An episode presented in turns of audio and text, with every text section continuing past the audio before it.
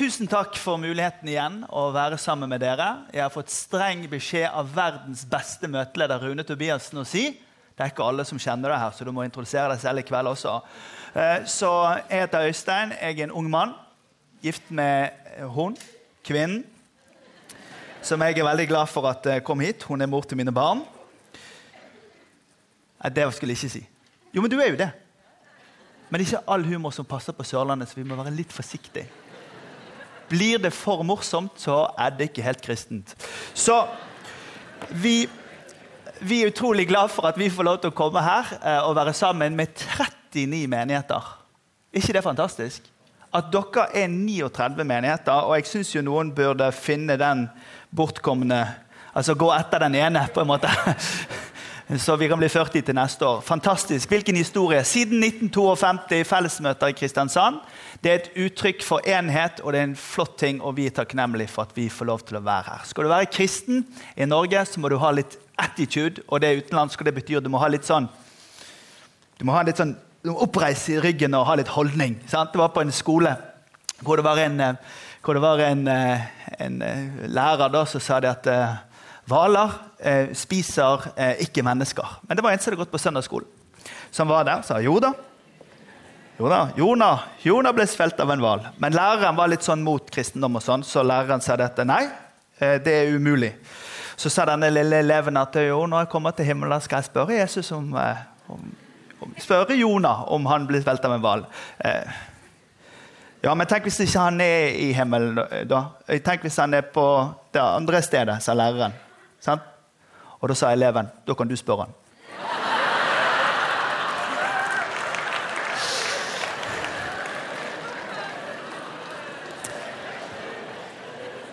Man må ha litt attitude, som det heter.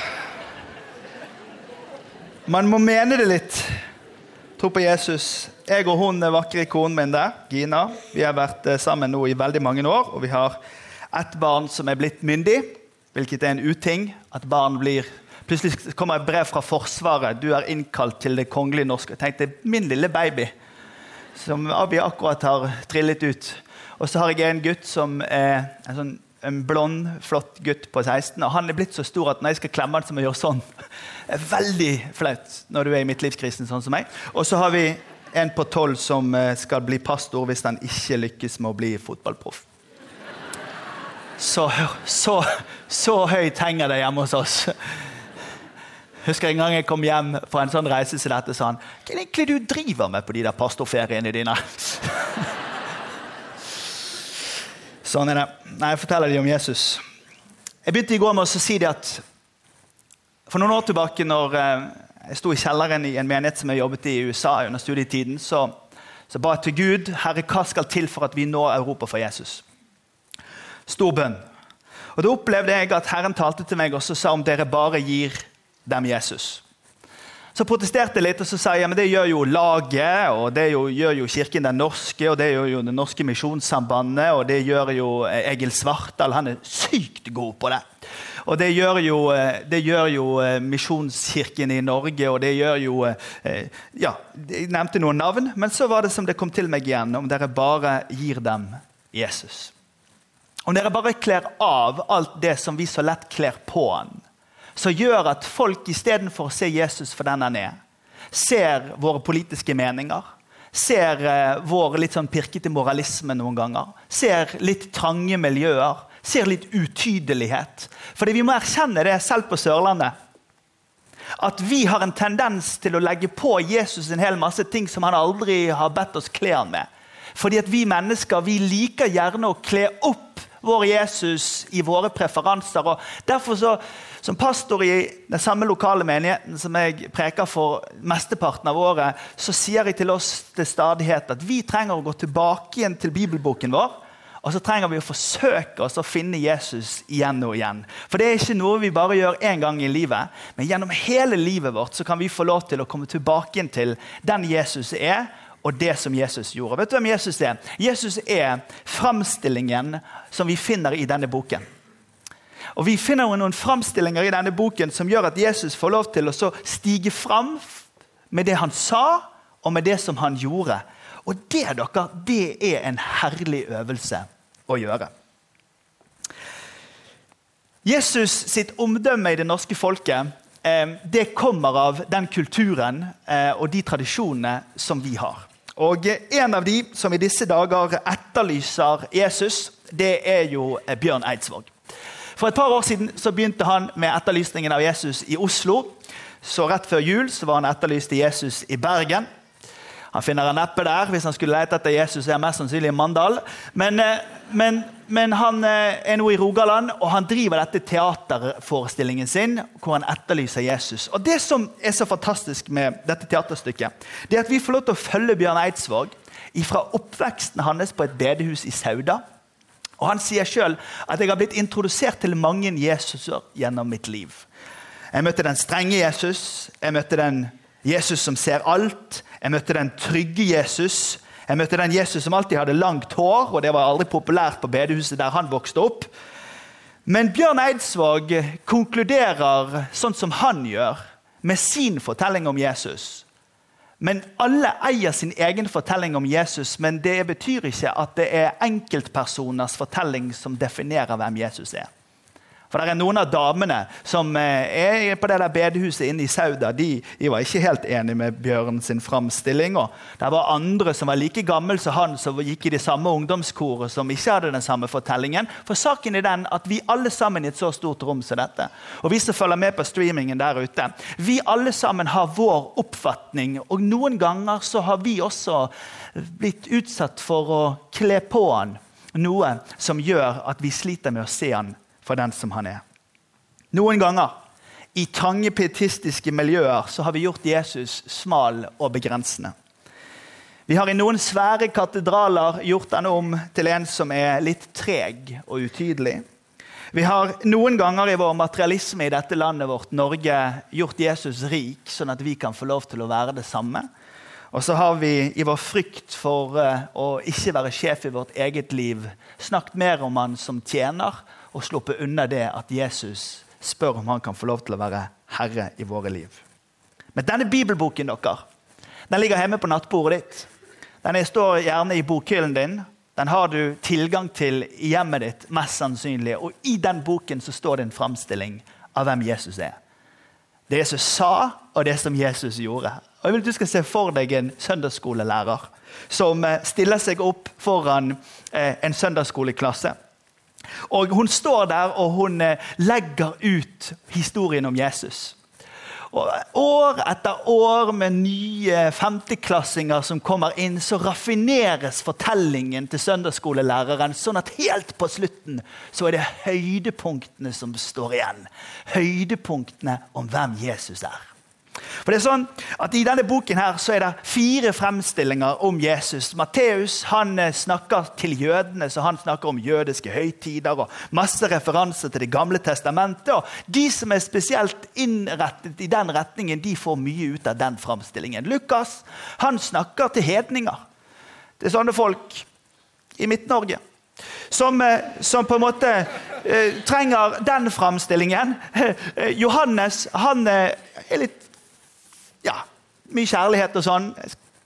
Med Johannes han er sin framstilling, og Markus han snakker til bergensere. I Markus så går det utrolig fort. I Markus' evangelium så er nøkkelordet 'plutselig'. og Vi bergensere vi trenger å høre det plutselig, for dette er det vi står midt mellom en regnbyge og den neste. Vet du, I Bergen har vi syv ord for regn. Og Vi slo nesten rekorden fra i fjor med bare 286 regndager. Og det var nedtur i Bergens Tidende når vi ikke slo rekorden fra 67. Når vi forteller våre barn at Noah opplevde at hele jorden ble druknet på 40 dager, da ler de bare og sier det der opplever jo vi hver måned. Men når vi skal finne ut hvem Jesus er, dere, så er vi nødt til å være ydmyke nok til å bøye oss for det som står i boken. Og i Markus' evangelium, dere, for vi skal straks lese fra kapittel 2, så er det så utrolig stilig at i kapittel 1 i Markus så rekker Jesus å bli døpt, fylt av Den hellige ånd, være 40 dager i ødemarken, dra på misjonstur til Galilea, ikke én, men to ganger, kalle disiplene sine, spise hjemme, middag hjemme hos Peter sin nyhelbredede svigermor, og mot slutten helbrede en spedalsk mann. Og Selv om Jesus ber han om ikke å legge det ut på Facebook, så gjør han det. Han legger det ut på Face, han legger ut en snap. Det går viralt, og det klikker for folkene før kapittel 1 er ferdig. Plutselig. Og Jesus må søke ut til øde steder fordi at folk trykker så enormt på. Og så leser vi dette i kapittel 2 i Markus. Noen dager senere kom Jesus igjen til Kapernaum, og det ble kjent at han var hjemme. Det samlet seg så mange at de ikke fikk plass, ikke engang utenfor døren. Mens han forkynte ordet for dem. For det var derfor han var der, for å forkynne ordet for dem. Kom de til ham med en som var lam. Det var fire menn som bar ham, og de kunne ikke komme fram til ham pga. trengselen. Derfor brøt de opp taket over stedet der han var, laget en åpning og firte ned båren som den lamme lå på. Da Jesus så deres tro, så sa han til den lamme, sønn, syndene dine er tilgitt. Nå satt det noen skriftlærde der, og de tenkte med seg selv hvordan kan han si slikt? Han spotter Gud. Hvem andre kan tilgi synderen én? Det er Gud. Straks visste Jesus i sin ånd hva de tenkte, og han sa til dem, hvorfor går dere rundt med sånne tanker i hjertet deres? Hva er lettest å si til denne lamme mannen som ligger her? Syndene dine er tilgitt, eller stå opp, ta båren din og gå.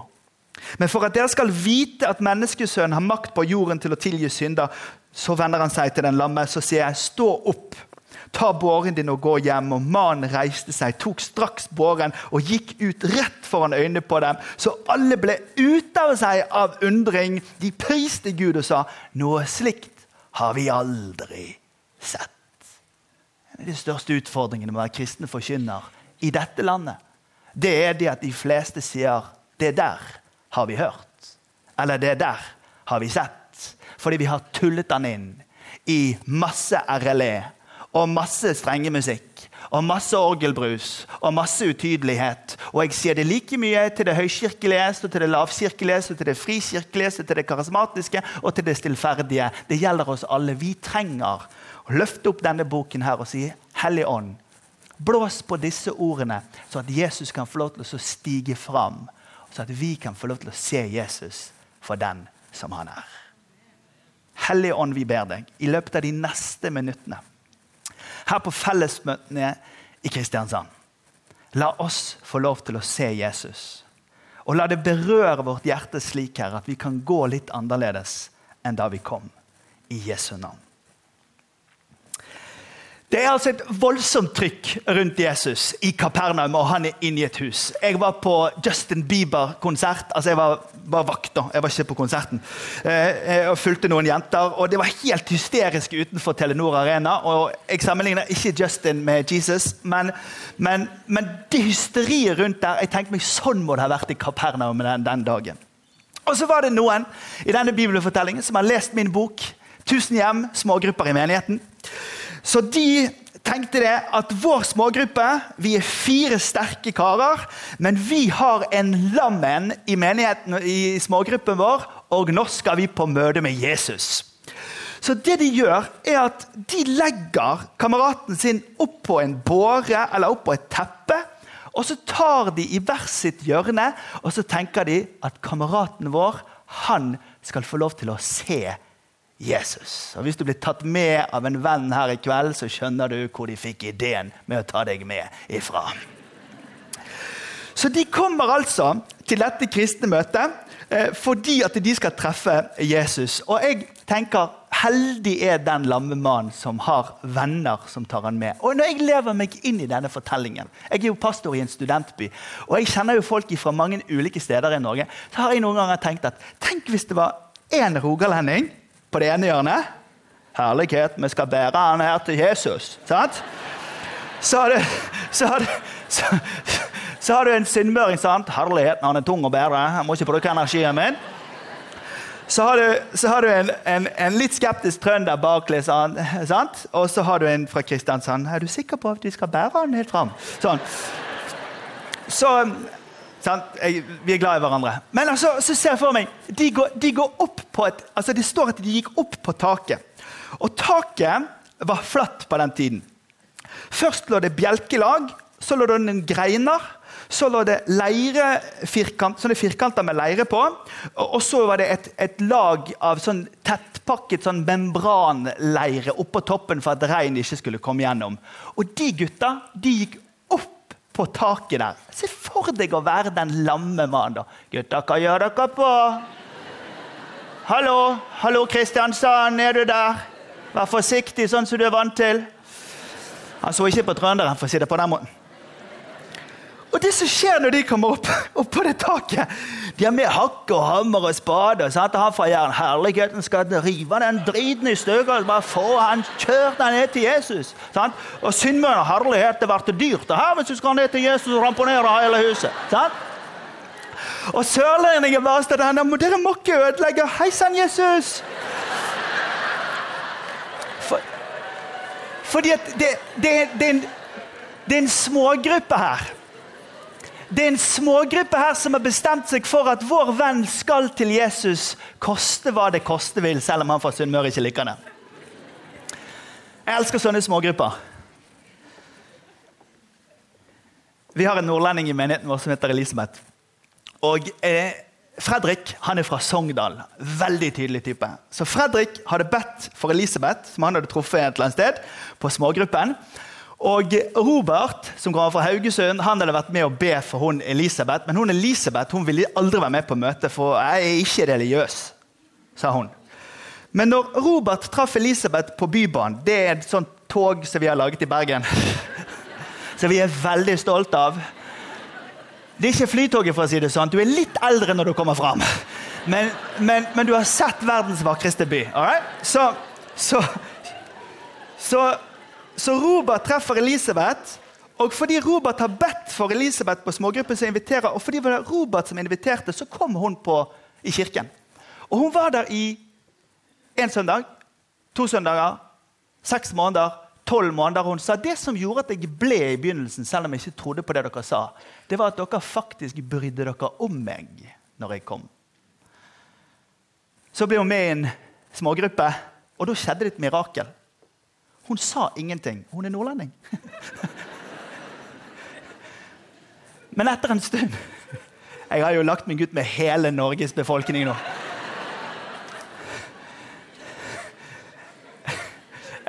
Jeg, jeg, jeg, jeg forteller det der uh, norgesgreiene hvis det er en, en fluktrute etterpå. hvor jeg slipper å treffe folk i forrige. Men det som skjer er at Lisbeth tar imot Jesus. og Nå har hun vært med i menigheten i et par år. tror jeg. Og, og det er så fantastisk at det var en gruppe som sa vi skal ta med vennen vår til Jesus. Og så kommer da dette, denne her båren ned. ikke sant? Blir med inn i huset, da. Lever dere inn i det? sant? Jesus står og underviser. Han er flanellograf. For, for, fordelen med at Jesus var der sjøl, var det at den Jesusen som peker den veien hver gang han, Det er ikke bare den de har. De, de, har, de har, den Jesusen også. Er du med? For det er så utrolig slitsomt med flanellografen. du skal forklare. Altså, ja, Vi har mista Jesus, da, men det er Peter. Men, ja, men var ikke Peter han som ja, men, ja, men, vi, vi mista vi... Så, så, så for, fordelen til Jesus er at, at han er der da. Nå. Nå, nå skal jeg ikke tulle mer. Så kommer, så kommer denne lamme, lamme, denne lamme mannen ned. Og, og jeg tenker hvis han ikke hadde fått fart på bønnelivet sitt før, så fikk han det i hvert fall nå. For han aner jo ikke hvor langt det er ned. Gutter! Kanskje vi går hjem og fortsetter cellegruppen hjemme hos Det var mye bedre med mariekjeks og plystreøvelsen, den der. Og han er fra Sunnmøre. Bare, bare få han av typene til Jesus. Så får. Rogaland bare Slipp han! Unnskyld. Shh, unnskyld. Ah, Sørlendinger bare det var Jesus, det var ikke meninga. Så, så kommer han ned, og så står Jesus der. Og det Jesus ser, dere Det Jesus ser, det han ser, han ser en smågruppe av folk som har bestemt seg koste hva det koste vil. Vi skal få vår venn til Jesus. Det Jesus ser, det er at koste hva det koster materielt sett i å reparere dette greiene etterpå, vi skal få vår venn til Jesus. Jesus ser fire friske og én som trenger å bli båret. Og vi bare får et helt tydelig innblikk i at, at Jesus Jesus er sentrum av fortellingen. Og Jesus skal si noe, men Jesus er opptatt av noe når han står der og forkynner. Og dette vil jeg at du skal se. Jesus underviser dem sitt ord, og det første han sier, det er 'Sønn, syndene dine er tilgitt'. Var det derfor de kom? Det var ikke derfor de kom. De kom jo for at kameraten skulle bli helbredet. Men Jesus legger vekt på å si 'syndene dine tilgitt', og her ligger det et poeng. Jeg har vært pastor i Bergen i 17 år, og jeg har truffet mennesker i oppturer og nedturer. Og jeg har lagt merke til at vår tendens i vår del av verden det er at vi kommer når krisene oppstår for å få fra Jesu hender det han kan levere av et mirakel. Men det er dessverre ikke så mange av oss som tar tid nok til å ta med oss også det som skjer inni oss når han berører oss, og ikke bare det mirakelet han leverer for at vi skal kunne gå derifra. Så Jesus gjør et poeng ut av å snakke til det som skjer i hjertet, før han leverer det mirakelet som han skal levere. Så satt det noen skriftlærde der, og de tenkte med seg selv hvordan kan han si slikt? Han spotter Gud. Hvem andre kan tilgi synder? Det er Gud. Fordi at de har sittet og kopiert Skriften. de. Det er bare Gud som kan tilgi. Det er bare Gud som kan tilgi. Det er bare Gud som kan tilgi. Så treffer jeg folk som har vokst opp i, i veldig karismatiske settinger rundt omkring i Norge. og Når de kommer på en litt sånn stille gudstjeneste, så tenker de er det noe liv her. Og så treffer jeg de som har vokst opp i en stille tradisjon, og de kommer til en gudstjeneste hvor det er litt for høy lyd, og tenker her kan ikke Gud være. Han hadde stukket for lenge siden. Og så er det andre som opplever at når de ser en endring, jeg hører at ja, Gud kan tale ved Den hellige ånd i hverdagen. Nei, det er ikke jeg vant til. det. Jeg er vant til at han bare taler gjennom det som jeg leser i Skriften og det presten sier. Hør, venner. Vi alle sammen har opplevd at får kledd på Jesus noe som gjør at det står i veien for at vi kan se han sånn som han er. Jeg er takknemlig for alle de ulike religiøse strømningene som har ført oss sammen til dette rommet her i dag, men det er ingen av oss som har skjønt alt. Og det er ingen av oss som kan si at vi har det hele fulle svaret.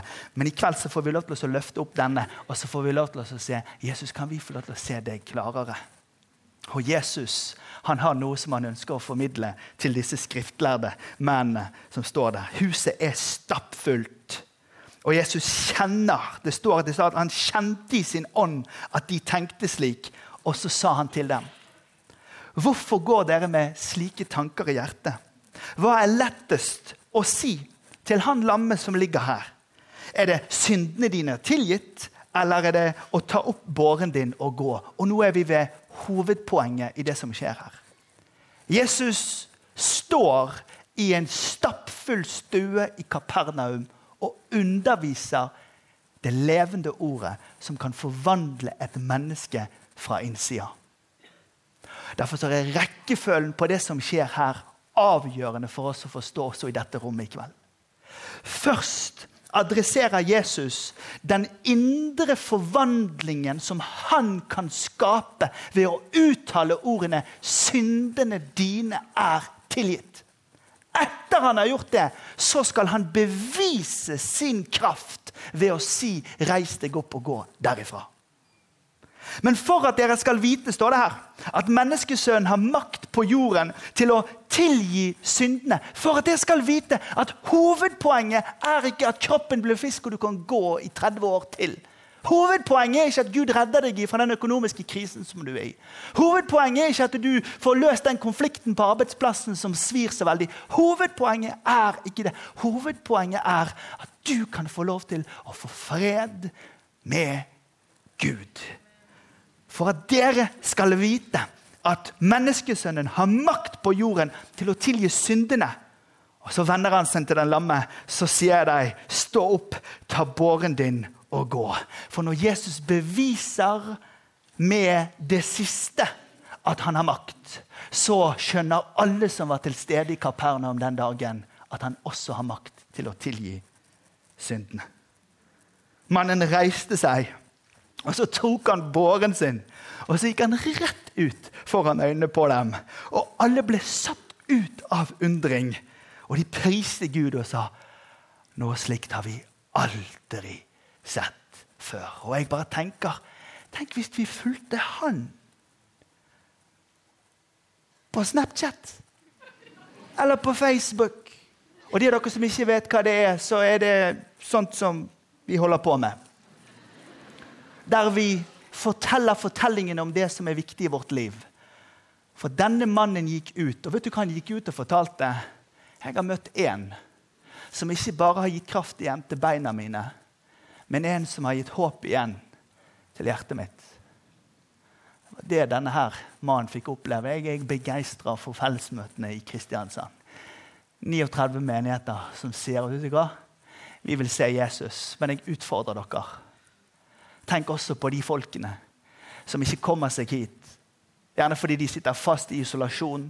Gjerne fordi de aldri blir invitert. Indremisjonen i Bergen gjorde en undersøkelse for noen år tilbake hvor de spurte tilfeldige i Bergen de ba En sånn Gallup-organisasjon ringe rundt i, i Hordaland og spørre ville du blitt med på en gudstjeneste om noen spurte. Og vet du, Det var en majoritet som sa vi hadde blitt med hvis noen tok oss med.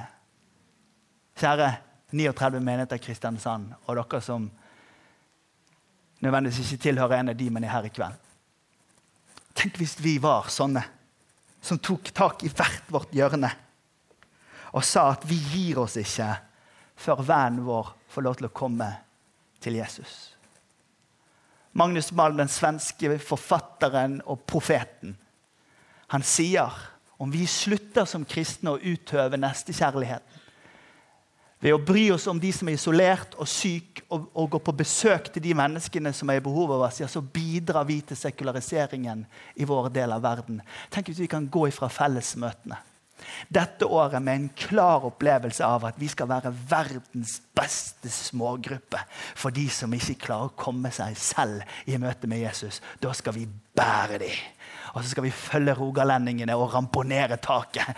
Og så skal vi bli venn med en sunnmøring vi får betalt repareringen. Og så skal vi være tro, trofast mot det at vi er sørlendinger og si unnskyld til Jesus når det går altfor galt. Tenk hvis det å bli brakt inn i møte med Jesus er å bli brakt inn i et fellesskap hvor ordene 'du er tilgitt' er de første som når oss. For er ikke ryktet om den kristne kirke i dette landet at det er litt trang port, og det er litt smalt å få lov til å være med i gjengen? Det Bjørn Eidsvåg sier, men jeg kjøper ikke fortellingen. Men jeg kjøper kritikken. Så jeg har bestemt meg for at jeg skal høre at også jeg ender opp i en situasjon hvor jeg kler på Jesus det vi må kle av han, så at han kan framstå. Tenk hvis det første noen som besøkte våre menigheter i Kristiansand, sa det var så varmt der. Det var så inkluderende der. Og det første de sa, det var at du kan komme akkurat som du er, fordi du er tilgitt. Jeg drømmer om at vi i dette lille landet vårt skal få lov til å se Jesus bare stige fram. For den generasjonen som er oppvoksne, som er barn og som er unge, og som er en del av det norske eh, eh, samfunnet i dag, at Jesus Kristus får lov til å framstå sånn som han er. Jeg drømmer om at vi skal få lov til å se hver eneste gang vi samles, at nye mennesker ja, de blir båret inn, de blir hjulpet inn av sånne vanlige folk som oss til et møte med Jesus. og Det er det min kone skal snakke om i morgen og på søndag. Hvordan vi kan ha en, en samlet hjerte og plan for hvordan vi kan gjøre nettopp det. Skal vi reise oss opp i sammen?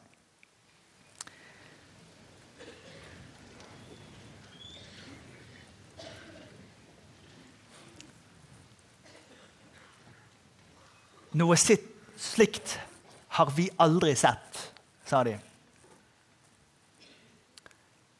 Og jeg utfordrer deg, du som tenker at du har sett alt.